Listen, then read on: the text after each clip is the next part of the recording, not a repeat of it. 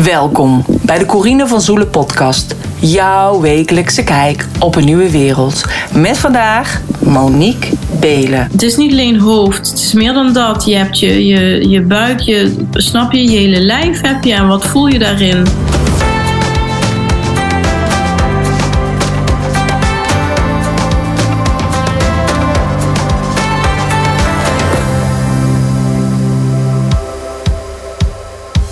Welkom bij podcast 216 en in deze podcast interview ik dus Monique. Monique en ik volgen elkaar al een aantal jaar op social media en zij is ook ooit bij een event van mij geweest. Hier deden we een regressiesessie en wat bleek, er zaten allemaal heksen uit een vorig leven in de zaal. En een aantal weken na dat event was ik weer daar op die plek, dat was een klooster en een aantal deelnemers werkten daar op dat moment aan een online academie onder mijn begeleiding. En er gebeurde iets heel bijzonders. En hier hebben we het over in deze podcast. Maar uiteraard hebben we het ook over Monique. En over haar werk als holistisch orthopedagoog en kinderyogadocent. En sinds dit jaar heeft zij haar eigen kinderyogaschool opgericht. Want yoga is namelijk een van de laagdrempelige manieren voor kinderen om tot een volledige ontwikkeling te komen. Thema's als holistisch kijken, uh, trauma, hechting, wel of geen labels voor een kind en deze nieuwe wereld passeren de revue in deze podcast. Ik wens je dan ook heel veel luisterplezier en wil je meer weten over Monique, over haar social media kanalen? Check dan de show notes pagina www.corinevanzoelen.nl slash podcast 200 16. Vind je het leuk om deze podcast te volgen? Geef het dan een hartje, een sterretje of een like op het podcastkanaal waar je deze op luistert. Maar als je ook op de show notes pagina bent, kun je ook een. Um, een formulier invullen, zodat ik je op de hoogte houd als er weer een nieuwe podcast vrij is. Super makkelijk natuurlijk. Um, wil je kijken wat ik allemaal te bieden heb? Check dan corinevanzoelen.nl voor gratis uh, content wat ik te bieden heb, maar ook voor betaalde content, zoals de online training van ondernemer naar online ondernemer, of ook heel veel kleine programma's die gaan over hoe je een challenge vorm kunt geven, of hoe je uh, in social media of de balans behoudt tussen uh, privé en werk, maar ook hoe geef je bijvoorbeeld een webinar. Dus check gewoon even mijn site corinevanzoelen.nl en zie wat ik allemaal te bieden heb. Ik wens je heel veel luisterplezier met Monique. Vandaag heb ik een online afspraak met, uh, met Monique. Welkom. Ja, dankjewel. Ja, Monique, kun jij je misschien kort voorstellen? Ja, zeker, dat kan ik. Uh, ik ben uh, Monique Belen, 39 jaar, moeder van, van drie kids. Van twee, tussen de twee en de acht jaar. En uh, nou, als beroep uh, heb ik orthopedagoog, zeg maar, onder mijn naam staan. Uh, sinds afgelopen jaar orthopedagoog generalist. Nou, dat is een, een super lang woord. ik hou het meestal vrij kort en dat is dat ik met ouders en kinderen werk. dat is eigenlijk van jongs af aan heb ik dat heel duidelijk ook als mijn missie gevoeld. Dat ik heel graag met ouders en kinderen wilde werken. En ja, door de jaren heen en door de tijd heen heeft zich dat ja, eigenlijk ontwikkeld tot uh, ja, dat ik nu een eigen praktijk heb en, uh, en, en daar mijn werk doe. Mm Ja. ja. en uh, ja, jij bent een holistische orthopedagoog. Is daar, wat is het verschil tussen een gewone orthopedagoog en een holistische orthopedagoog? Uh, ja, dat is een mooie vraag ook wel. Ook de term holistisch, die, uh, nou, dat is eigenlijk die heb ik al best wel lang dat die bij mij heel erg resoneerde. Dus ik denk, ik ben nu zes of zeven jaar, heb ik de stap gezet naar zelfstandige. En uh, nou, in die tijd had ik al heel erg het holistische. Maar ja, ik denk toen, nu is het wat meer wel bekend. Maar toen als ik dat zei van ik heb een holistische visie, dan zeiden mensen echt van ja, dat, daar moet je echt niet mee gaan, uh, die moet je echt niet gaan gebruiken, want de mensen snappen er helemaal niks van. en ik dacht toen van ja, maar hoezo dan? Weet je, het is zo duidelijk voor mij. Ja. Maar goed, ja, nou, je pas je dan toch een beetje aan, zeg maar. Dus uh, ja, wat het verschil denk ik is, waar het voor mij heel erg in zit, is dat uh, het holistische in het geheel zit. Dus hoe kijk je naar de mens of hoe kijk je, hoe kijk je naar uh, wie wij zijn? Als ik het dan heel erg op de mens richt, hè, of het nou een ouder is of een kind. Uh, dan is het eigenlijk zo dat je zowel op het mentale vlak, het cognitieve, maar ook het emotionele en het energetische en spirituele vlak um, ja, dat je daar aandacht voor hebt. Of dat je, dat, dat jouw visie is. Dat, dat, dat, hè, dat we zo uit die lagen bestaan überhaupt. En uh, ja, voor mij is dat gewoon een waarheid. Al, al tien, nou, ik denk 15 jaar geleden kreeg ik daar interesse in en ben ik me daarin gaan verdiepen. En nou weet ik het, ik weet nog dat ik mijn eerste chakra werkboek kocht. En, en dat vond ik reuze interessant, weet je wel. Dus zo ga je er dan in, in verdiepen en ga je ook ervaren dat bepaalde dingen, ja, dat, dat je verbanden gaat zien.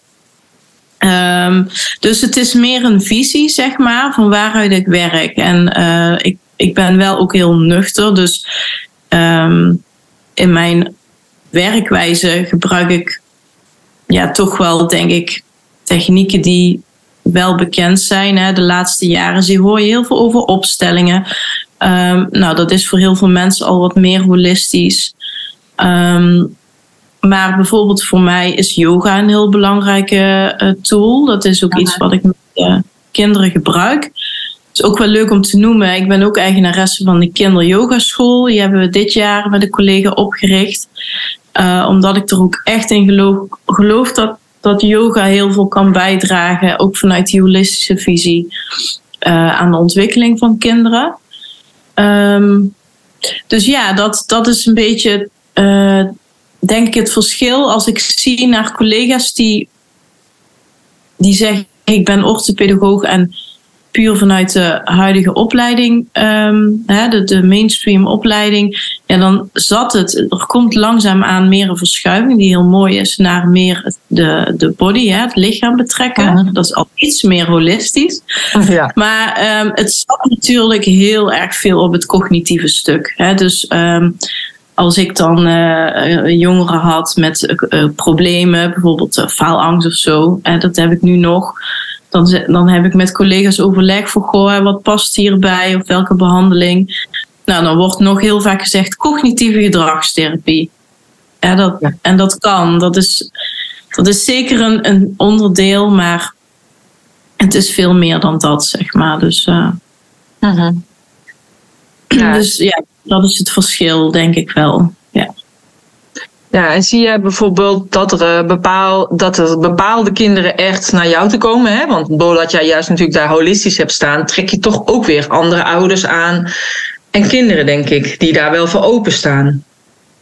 Ja, dat is wel grappig. Want uh, ik vraag me dat af, uh, zeg maar, hoe, hoe dat. Uh, ja, of dat zo zichtbaar is, bijvoorbeeld. Hè? Dus. Um, ik vraag ook wel eens aan ouders van, goh, kom je bij mij terecht of uh, iets. Ik ga ook gewoon mee in het regulieren. Dus ik heb heel lang, dat is ook wel mooi om te vertellen, ik heb heel lang um, een soort splitting ervaren. Toen ik uh, drie jaar geleden de opleiding voor orthopedagoog generalist ging doen. Dat is echt gewoon een hele, dat is zoiets als GZ-psycholoog. Een hele, ja, cognitie, zeg maar vanuit het regulieren gezien een opleiding. En toen dacht ik echt van ja, past dit wel bij mij? Moet ik dit wel gaan doen?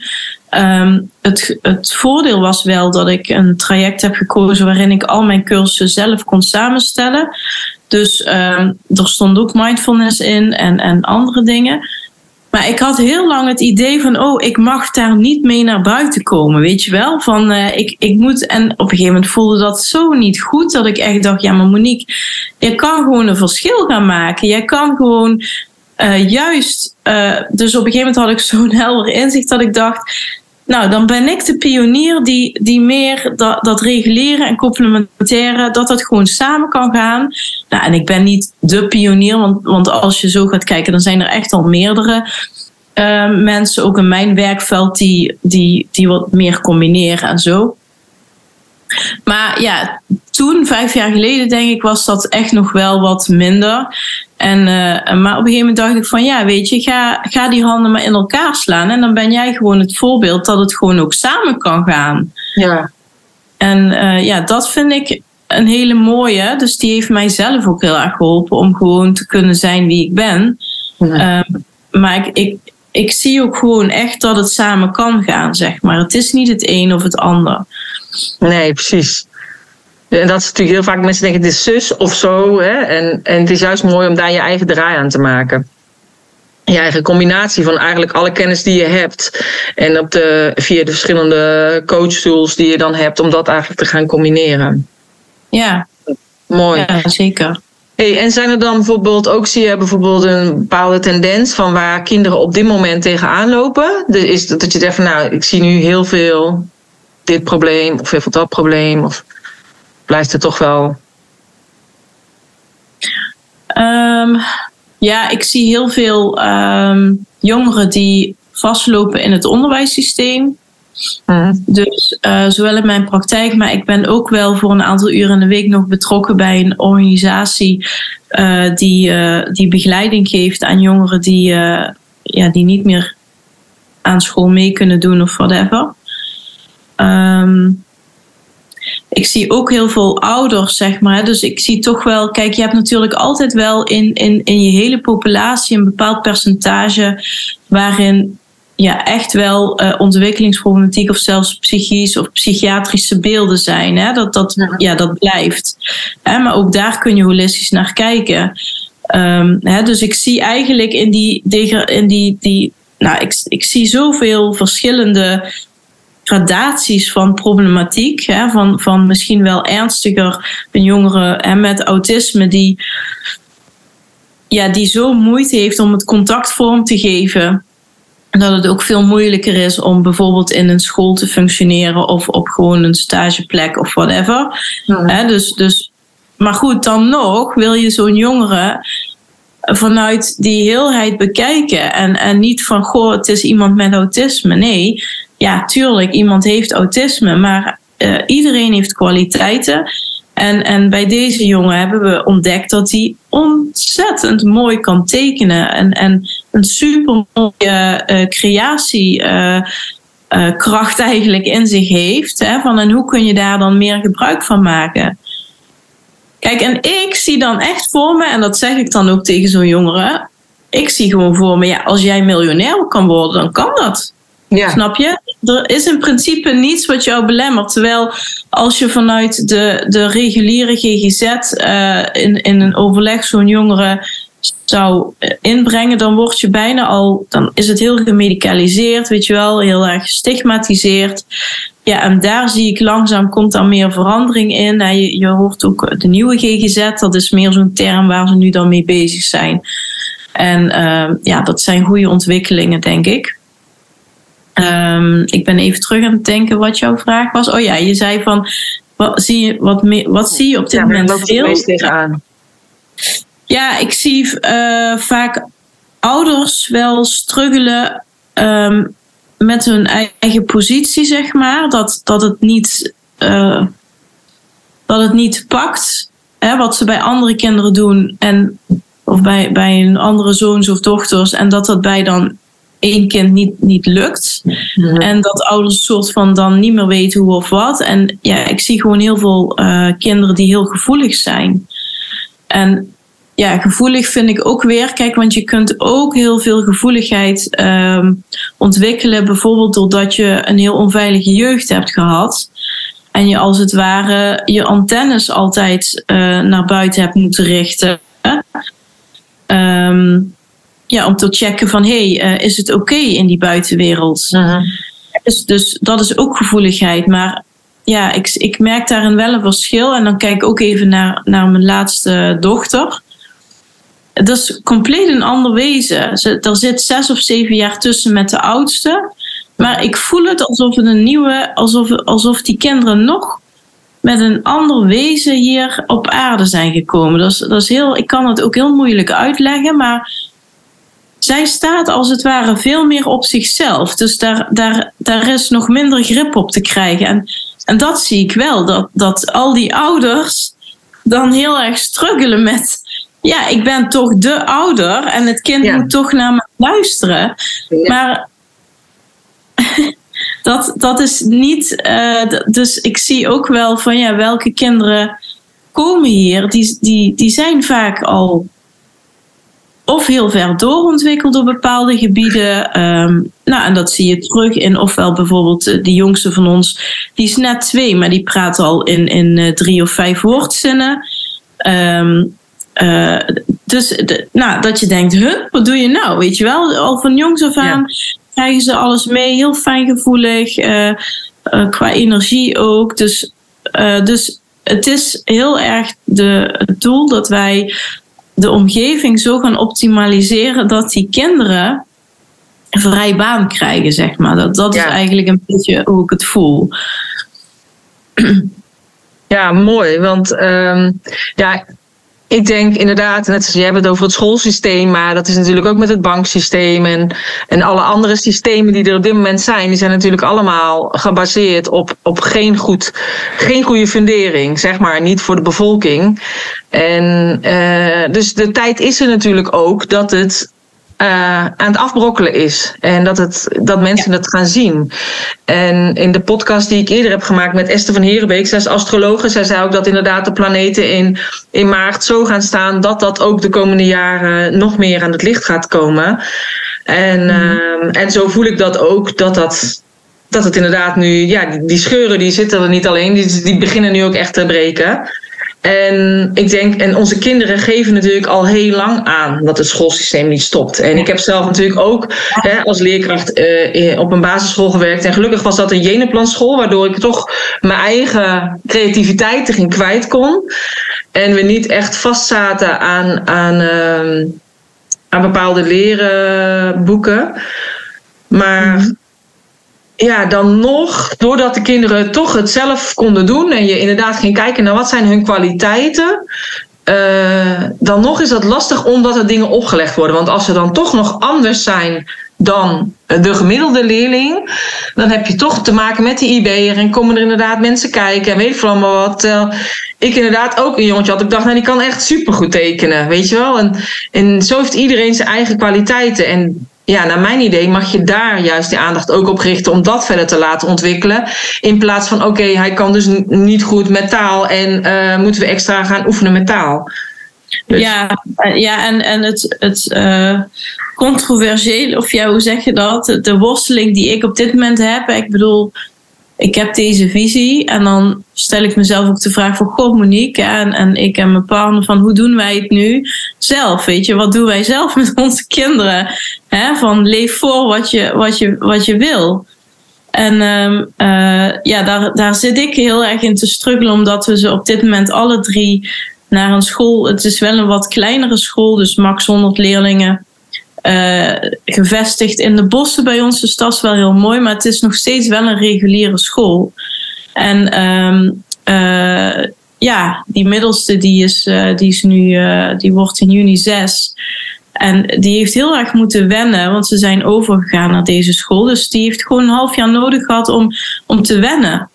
En, en dus als, als iemand zich niet veilig voelt, we hebben echt een terugslag gezien bij hem in veiligheid. En en, en ja, als kleutertje zeg maar in een nieuw gebouw en een nieuwe juf. En ja, en dat ik dacht, oh shit, weet je wel, uh, hij, hij, dan ga je als ouder je zorgen maken. Um, terwijl als ik nu terugkijk, denk ik, dat was ook oké in die zin dat je als, je als je een kind de ruimte laat en, en ja, natuurlijk wel in gesprek blijven hè, met de juf en gaan kijken wat heeft hij nodig.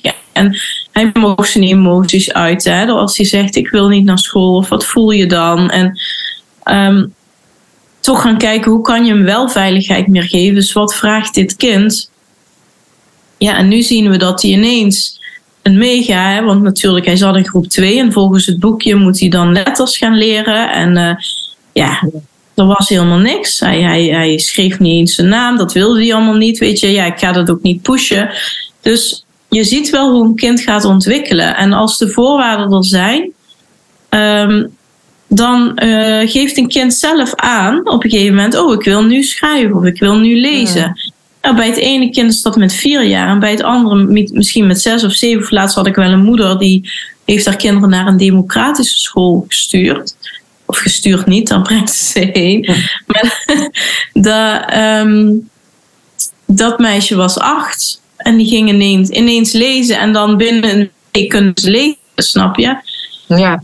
En dat is een, een compleet andere visie dan de meetlat die wij er langs leggen. Mm Dus ja. Dus dat is wel, uh, het is volledig omgedraaid. Snap je? Als je gewoon naar, naar het hele, het hele systeem, naar de hele aarde gaat kijken, weet je, dan zie ik alles connected.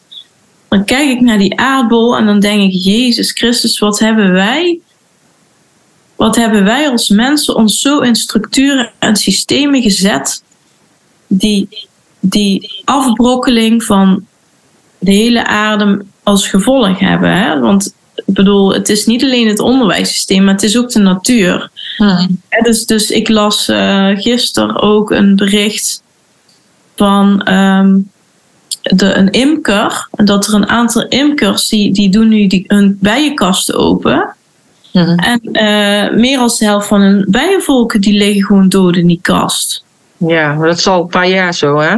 Ja, het is al een paar jaar aan toenemen, snap je? Dus. En uh, toen, nou goed, ik hou dan ook van natuur of uh, tuinieren. We wonen op een mooie plek. Dus wij zijn nu ook bezig met, goh, uh, we hebben onze tuin leeggehaald. Ja, met heel veel pijn in mijn hart. Want denk ik, wat heb ik gedaan voor al die dieren die er waren? Maar goed, we gaan terugbouwen. En dan vind ik het leuk om eh, te kijken hoe kan ik zoveel mogelijk biodiversiteit in de tuin gaan krijgen. Hè? Dus dat het gewoon een walhalla wordt voor, voor heel veel dieren. Dus daar ben ik me dan in het verdiepen. Nou, en uh, ik weet niet, ja, jij kent hem denk ik wel, Rudolf Steiner. Mm Ja. Uh, ja, dat is een grondlegger van onder andere de Vrije School. Mm. Maar toen was ik dat boek aan het lezen, Steiner was eigenlijk gewoon een, een man die al heel veel voorzag in de, in de jaren, hè, 100 jaar geleden. Dus in 1923 had hij het er al over. En dat las ik dus nu in dat boek wat ik had gekocht over uh, biodynamische tuinieren. En daar staat gewoon in dat staat gewoon exact in wat wij nu eigenlijk moeten gaan doen. Ja, dat is jouw Bijbel nu. Ja, ik, Weet je wel? En dan denk je, oh ja, maar het is wel zo, weet je. Die man die voorzag gewoon al dat uh, eh, 100 jaar 2000 de bijen uh, ja, zo op afsterven zouden, zouden staan, zeg maar. Hè? En, en, en um, ja, dan, dat maakt het ook allemaal zo nietig dat je denkt, ja, wij denken soms dat wij het wiel uitvinden en dat wij, weet ik het wat, allemaal uh, uh, weten. Maar eigenlijk als je dus helemaal teruggaat in de tijd, dan is alles zo logisch als maar zijn kan bijna. Hè? Ja, en zonder de bijen heb je, ja, dan die, die verstijven, weet je wel. Dus dan is er geen bloesem, er, er geen planten. Dus je hebt geen uh, kersen, uh, appels, peren, uh, aubergines, zeg maar, courgettes. Het is er allemaal niet. En nee, dus, ik dus, um, dat ze niet beseffen of zo. Ja, ik heb zelf, ja, mijn vader was vroeger imker. Dus ehm, vandaar dat ik ehm, ja, vroeger al, al, ook altijd bijen in de, in de achtertuin had staan. En er wel dingen van weet. Maar toen was het al dat het begon met die, met die bijenziekte. Hè? Dus toen heb ik, het, heb ik het. Mijn vader is overleden in 2009. Dus ja, heb ik het toch echt al wel uh, begin 2000 dat dat al een beetje begon met die ziekte. En ze niet weten waar het aan ligt. Ja, ik denk misschien door, door toch de gif wat rondgespoten wordt. Maar uh, ja, ik weet niet. Dus het blijft. Uh, bijzonder. Maar ja, nee, kijk, ja, en, ook... hm?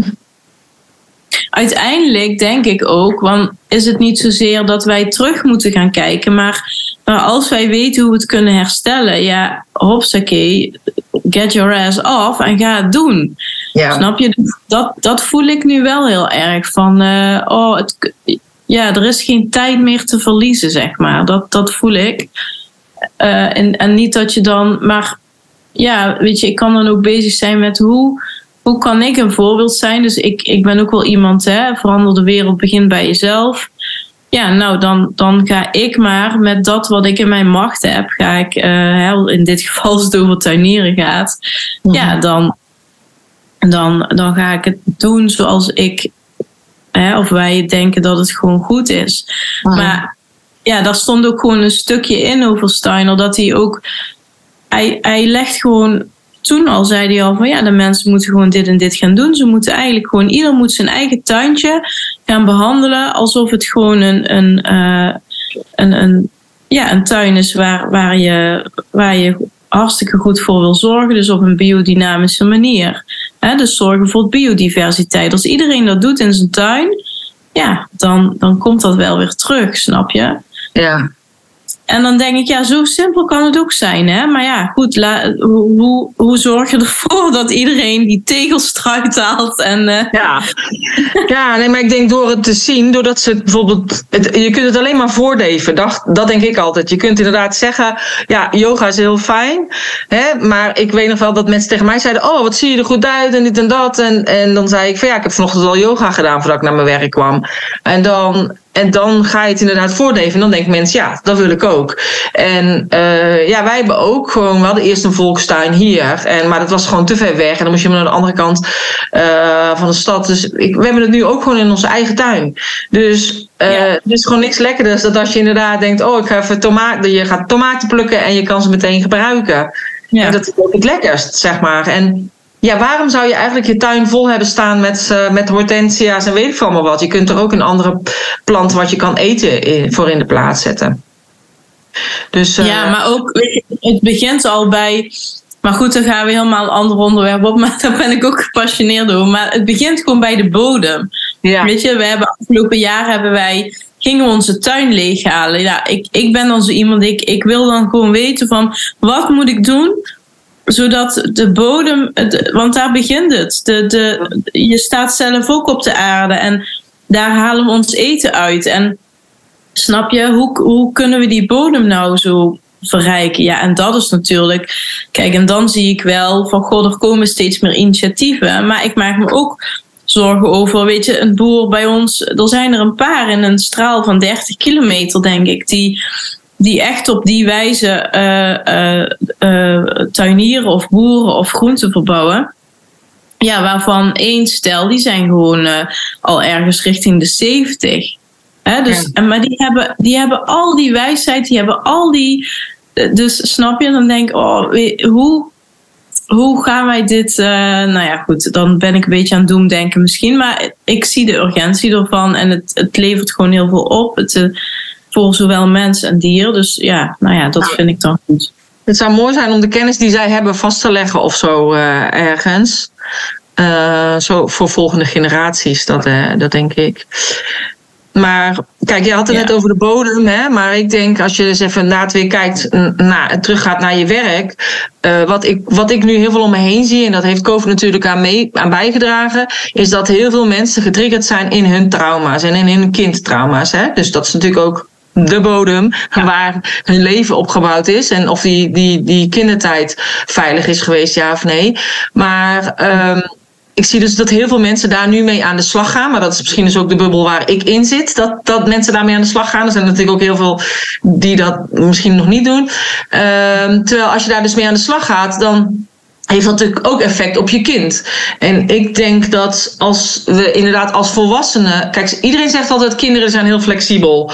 En dat is ook zo. Maar waarom hebben we dan als volwassenen allemaal problemen als we als kind zo flexibel waren? Toch? Dus ik denk, als je als ouder zorgt dat je het een beetje op de rit hebt en je trauma's hebt aangekeken, dan geef je dat ook niet door aan je kind. En hoef je ook niet met je kind weer ja. ergens in behandeling. Of, of zeg ik nou iets verkeerds? Nee, nee, ik word hier helemaal, denk, ja, ja, ja, weet je wel. Ja, dat, dat is het. dat is ook wel, uh, als ik ergens, kijk, ik, ik, uh, ik zie natuurlijk heel veel ouders en kinderen, ieder met hun eigen issues. Maar als ik ergens heel erg uh, van voel, van dat is gewoon mijn core business, mijn missie, dat, dat zit hier ook heel erg hierin. Uh, ik heb zelf uh, nog aanvullend me wel verdiept ook in rondom trauma, maar dan ook hechting erbij, want dat is voor het kind heel belangrijk. Um, en heel veel gesprekken gaan daar wel over. Dus als we teruggaan naar, naar wat zie je heel veel. Nou, ik, ik, ik heb steeds meer ouders waar ik gesprekken over heb van ja, het gaat over hun kind, maar eigenlijk gaat het over hun.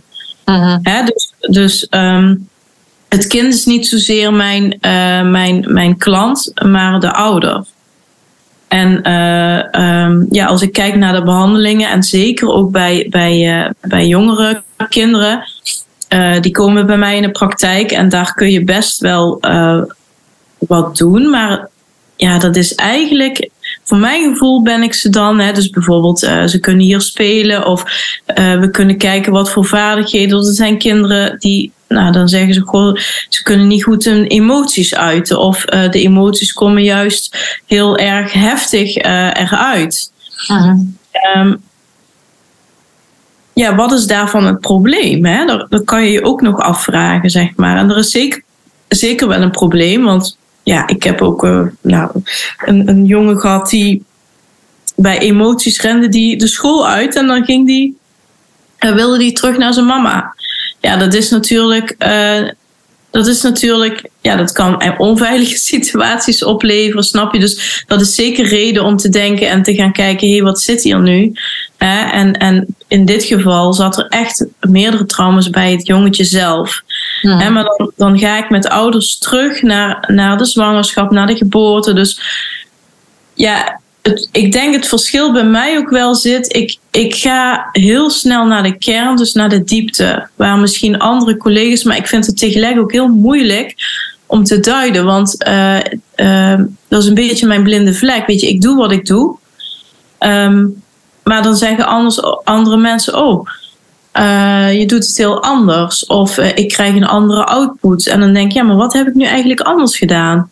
Of uh, vorig jaar had ik ook een cursus en dat ging over hechtingsgerichte systeemtherapie. Dus dat is super mooi. Dan ga je met de ouders echt kijken naar hun opvoeding. Ga je dat opstellen. En ja, dan, dan komen ouders vanzelf wel bij hun shit, weet je wel. En de meeste ouders die zeggen: Oh, ik heb zo'n goede jeugd gehad. Ja, dan, dan, dat zeg ik dan niet. Maar dan weet ik wel van: Oeh, hier, uh, het is goed dat we hier eens even. Nou, dan zeg ik: Oké, prima, laat het maar eens zien. En ja, binnen, binnen een uur zat ik met een vader. Ja, en die, die helemaal in tranen, weet je wel. Waar allemaal herinneringen naar boven kwamen. Die helemaal niet zo fijn waren. Uh, maar wat dus wel invloed heeft op de interactie met het kind. Want en ik bedoel, bij mij hetzelfde. Ik ben ook moeder. En, en ik heb jaren geleden, hè, dat, dat voorbeeld gebruik ik heel vaak, maar bij de oudste, dit, dat is ook een heel gevoelige meid. Um, en ook heel expressief. Dus als zij boos is, is ze boos. Hè, maar dan komen we ook weer terug wat ik net zei: van ja, wat is het probleem uh, dat een kind uh, uh, juist heel expressief emoties laat zien? Uh, dat ligt dus vaak bij de ouder. En in mijn geval, ik kon daar niet mee omgaan. Ik kon niet omgaan met haar boosheid. En dan, dan raak ik getriggerd. Hè, dus daar zit het als ouder. Van waar zitten jouw triggers?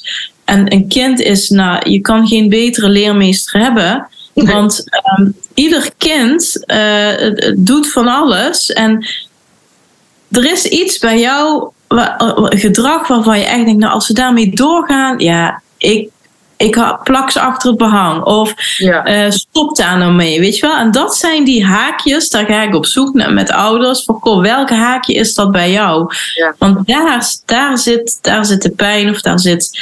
Nou, en, en ja, als je daar naartoe kunt gaan, als ouders dat, zeg maar... Um, echt kunnen helen. Want het, het, is niet voldoende om alleen bewust te zijn. Hè? Dus alleen praten erover uh, is, ja, dat levert een vierde misschien op. Maar uh, je hebt nog drie vierde wat er, wat er blijft. En uh, dus het is. Ja, en bij mijzelf heb ik zelf ook de ervaring gehad dat ik echt met een opstelling terug moest naar mijn eigen innerlijke kind, naar Monique die heel klein was. En ik was nooit boos. Weet je, ze zeiden ook al: Oh, Monique, ja, die is zo lief, weet je wel. Uh, ja, nu heb ik daar een allergie voor. Ja, ja ik heb ook, met een opstelling heb ik ook ooit gedaan. En dan voel je het echt. En dat is veel ja. anders dan erover te praten of weet ik veel wat. Dus ja. voor mij werkt dat eigenlijk ook gewoon uh, beter. Ja, en met kinderen, ja, het zijn toch spiegels. En ze leggen eigenlijk natuurlijk precies bloot wat, wat ja, wat hetgeen is wat, wat bij jou uh, speelt eigenlijk. En dan ja, is het aan jou om ermee aan de slag te gaan, ja of nee. Ja. En, uh, en ik denk, en, en dat is natuurlijk ook de reden waarom zoveel kinderen dat aan daarom falen in het systeem, om dat ook aan het licht te brengen. Uh, ja. ja. dat het systeem gewoon niet meer klopt. En dat het dus ook inderdaad anders mag. En dat je dus inderdaad mag kijken van wat kunnen die kinderen nou uh, wel en wat klopt er dan dus niet. Want ja, het nee, is hetzelfde al als 50, 60 jaar geleden. Iedereen zit nog steeds in de klas. Ja, oké, eerst dat iedereen in rijtjes en nu zitten we in groepjes. Uh, ja. Maar ja, in, in, plaats van een gewoon bord staan ze voor een digibord. Maar ik bedoel, het, systeem, het idee is nog steeds hetzelfde. Daar is niks aan veranderd. Nee. Klopt. En, en uh, ja, heel erg vanuit het hoofd. Ja. Dus, dus uh, en dat, dat, ja, het is hoofd het is niet alleen hoofd, het is meer dan dat. Je hebt je, je, je buik, je, snap je, je hele lijf heb je en wat voel je daarin? Ja. En, um, ja, en, en dat is natuurlijk, uh, dat is de mens. Wij zijn gewoon één geheel met al onze emoties, gedachten, met, met alles. Kijk, en, en dan kun je nog veel verder terug. Maar dat, ja, je hebt regressietherapie. Er zijn mensen die, die met vorige levens werken. Weet je wel, dat, uh, ja, dat is er ook. En dan moest ik nog aan denken, Corine, want ik, ik weet niet of dat drie of vier jaar geleden is geweest, maar toen ben ik bij, op, op die, uh, je had zo'n dag samen met, um, met die mevrouw en toen deden we zo'n meditatie in de groep. Oh ja, met Ira in het klooster. Ja. ja. En daar moest, ik, daar moest ik aan denken, want ja, dat was ook zo'n moment, maar nou, ik ging echt heel diep, zeg maar. Maar ik dacht natuurlijk dat iedereen zo diep ging. Dus ik deed mijn ogen open en ik, ik was aan het janken, jongen. En, en ik had van allerlei levens gezien en, en ik had een hele reis gemaakt, zeg maar. Met, met haar in die groep. En, en, en ik keek naast me en iedereen zat er gewoon, ja, als een, al, gewoon zo van, oh, ze hebben hun ogen open en ik, ik keek aan. Ik zei, zo, ik zei, dat ging diep. Oh nee, nee, bij mij niet. Weet je wel, dus... Ja, maar dat was ook omdat ik dacht, ik vraag inderdaad Ira daarvoor. Want als je inderdaad kunt kijken naar wat speelde er in vorige levens. En als je dat niet hebt opgelost, dan komt het gewoon weer in een volgend leven weer uh, terug. Het komt elke keer weer op je pad. Alleen uh, ja, komt het dan weer in een andere vorm. Maar het gevoel en zo is hetzelfde als je het niet aanpakt. Maar ik weet dat sommigen hadden inderdaad helemaal niets. En sommigen die waren heel heftig. Of sommigen die hadden zichzelf op de brandstapel zien staan. En uh, die waren daar helemaal verdrietig van. En sommigen die zagen inderdaad hun hoofd eraf gehakt. Dus ik denk ook in die zaal, bedoel, hè, Sabine was er ook bij. Die ging meteen even alles wapperen met, uh, met haar olie en zo in de lucht. Ja. Uh, er was natuurlijk heel veel. En um, ja, ik, ik dacht ook echt, ja, het was echt een soort van bijeenkomst van de heksen van nu of zo. Ja, denk ik. precies. Dat, dat is grappig dat je het zegt, want dat komt nu net bij mij ook. Als ik, als ik daar naar. Ik zie dat beeld weer voor me, dat klooster en dat we daar zaten. Als ik dan nu. Dus het woord heksen kwam, zeg maar, bij mij ook naar boven. Van, oh ja, dat is natuurlijk. Uh, uh, en dat, dat lijkt ook steeds meer naar voren te komen. Hè? Dus dat, dat heksen, dat. Um, de heksen van nu hoor je dan wel, maar, maar die magie die er vroeger was. Ik kom steeds meer tot de ontdekking dat in wezen is, is de planeet gewoon nog steeds hetzelfde. Alleen er zijn dingen verbannen, denk ik. Maar die komen nu ook weer allemaal zo langzaam. Allemaal weer terug. En er is natuurlijk een tijd geweest dat mensen dat niet gingen zeggen. Hè? Ik bedoel, uh, als je kijkt in de middeleeuwen, was er ook astrologie en tarot en allemaal dat soort dingetjes.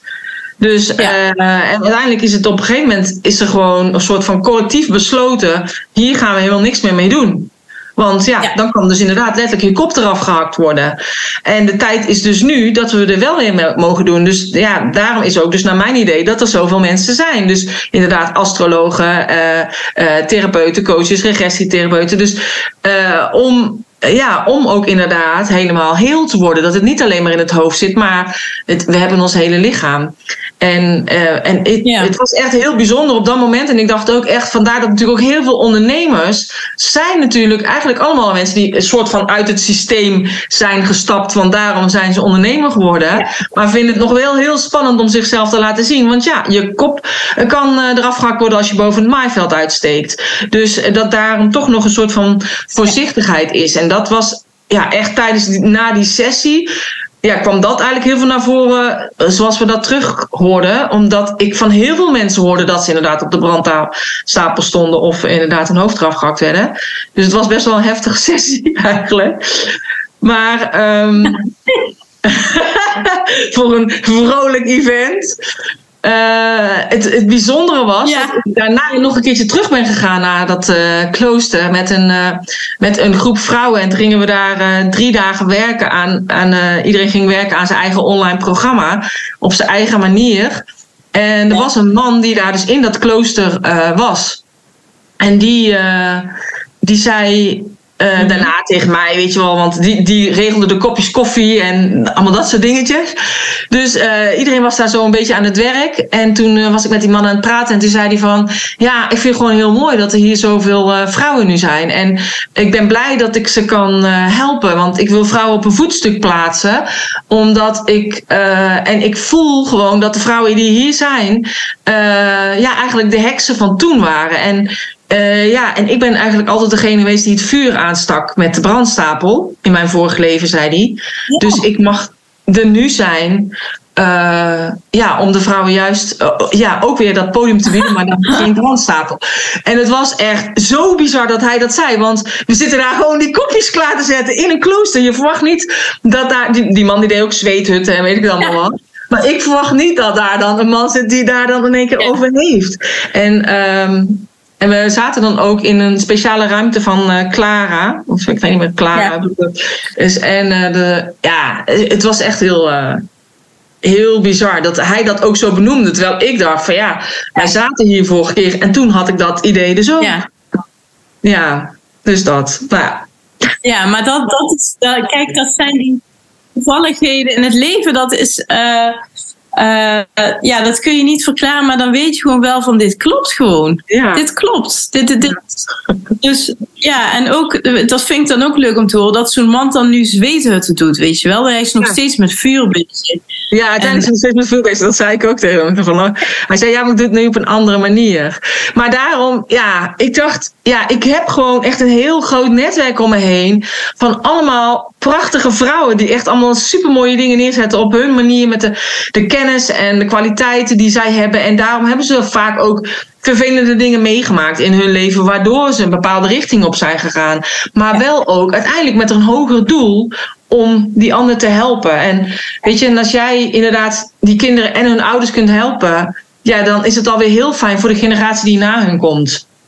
Ja, en, en inderdaad ook voor, ja, weet je, elk, elk stukje is, is, uh, is meegenomen, snap je? Elk dingetje wat, wat opgelost en losgelaten kan worden. En zo had ik deze week ook een gesprek met een moeder en die zei gewoon echt van, ja, ik heb al twee, ik heb twee jaar, weet je wel, dan vraag ik ook altijd van, goh, weet je, hoe is het bij jou? En, maar ja, ik voel altijd, ja, ik, ik voel ook gewoon, ik voel vaak al veel eerder dan de ouder of dat het in het gesprek komt, dan voel ik, oh, daar zit iets of, of iets dergelijks waar je naartoe mag gaan. Uh, hè, of, of waar, en heel vaak komt dat dan ook uit. Alleen mijn grootste valkel is dan dat ik te snel wil gaan.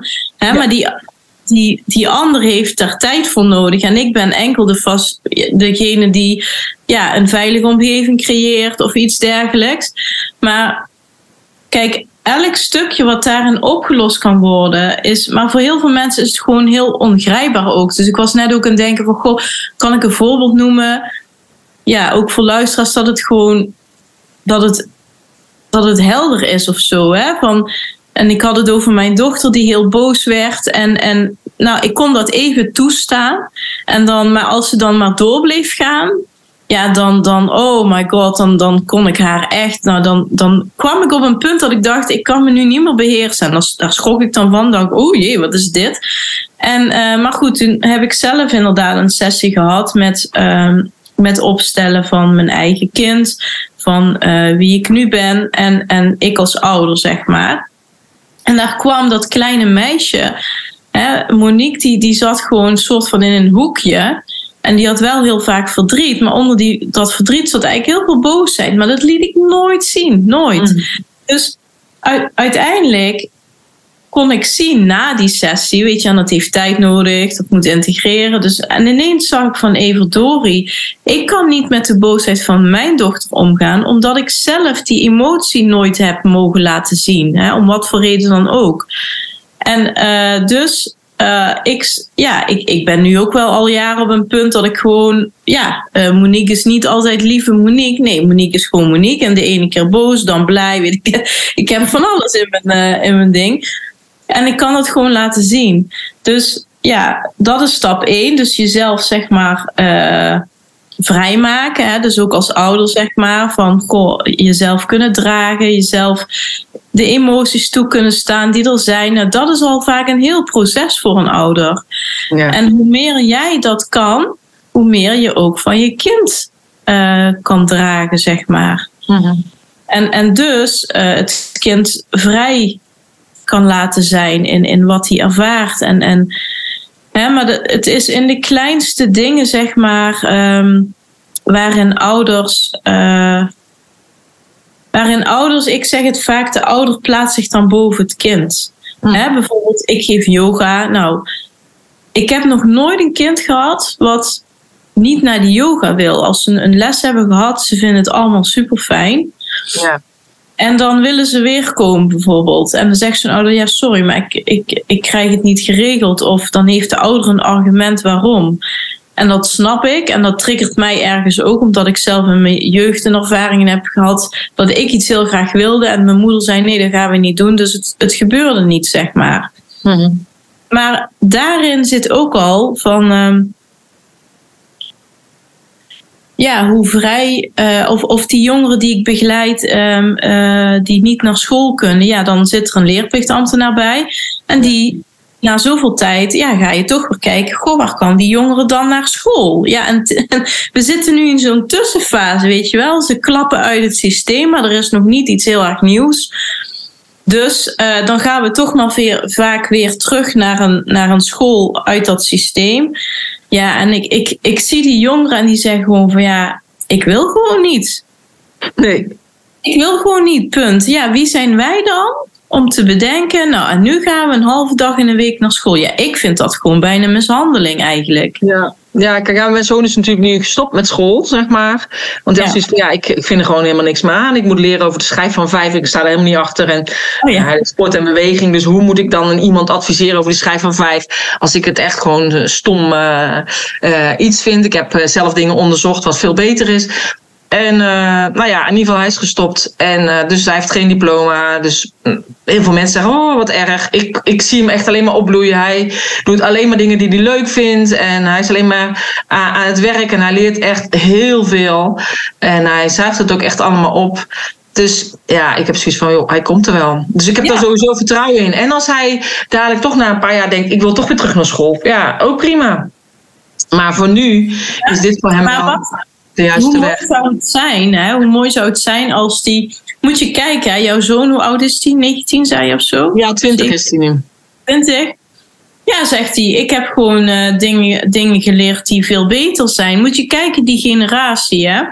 Ja. Die, die, die schrijft ons de les al voor. Hun, hun weten eigenlijk al, zeg maar, hoe het, hoe het beter kan. Dus, dus ja, dat is ook een mooie vraag. Of ja, daar ben ik wel benieuwd naar hoe jij dat ziet. Van, een diploma of een certificaat, ja, dat is gewoon.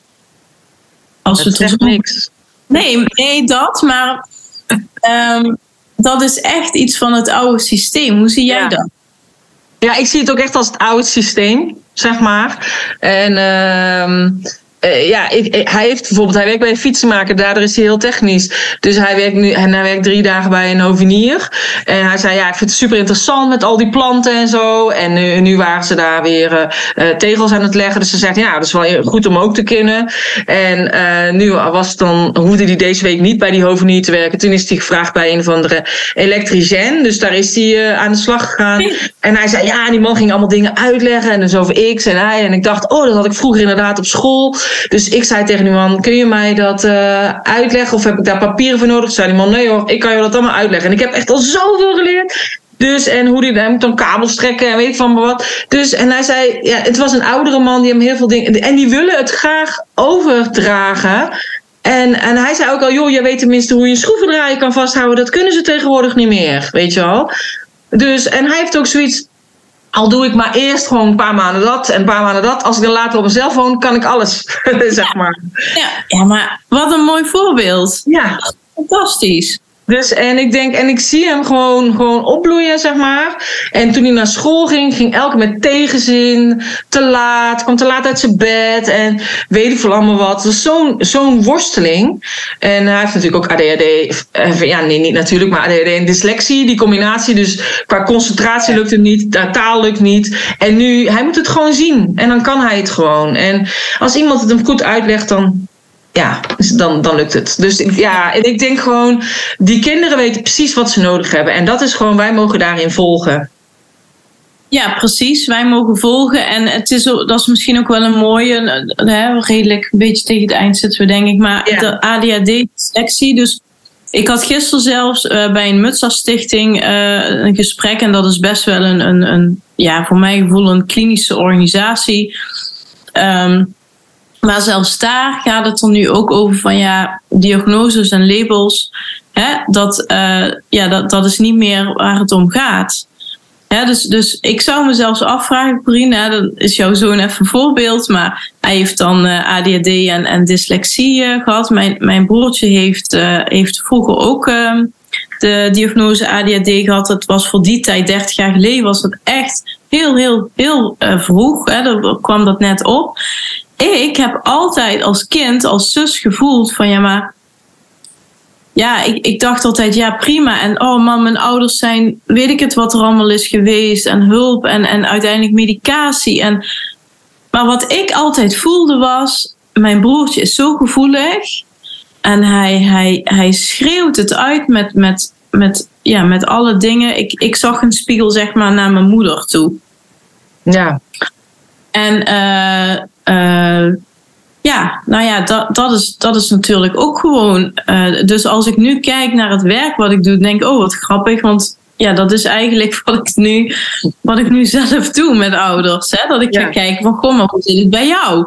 Ja. En, en uh, laten we dat eens gaan vrijmaken in plaats van jouw kind onderzoeken en een label. Weet je, ik doe het beide hoor, maar, maar ja, dat, ja, bij hem ehm, was het meer dat school dat natuurlijk wilde. Ik heb gewoon dat ik dacht van ja, weet je, als je maar kan lezen en je kunt in ieder geval jezelf redden, dat is belangrijk. En dat je niet kan concentreren. Hij kan zich echt wel concentreren op dingen die hij interessant vindt. En blijkbaar is dit dus niet interessant genoeg. Dus ja, ik heb er nooit echt een hele heisa van gemaakt of zo. Weet je, het is gewoon dat je dan zo'n stempeltje krijgt. Maar heel veel mensen zeggen meteen, dan gaan deuren open. Nou, er gaan heel veel deuren dicht. Want je wordt meteen behandeld als iemand, ja, alsof je niet goed genoeg bent. Terwijl ze juist heel veel kwaliteit in zich hebben.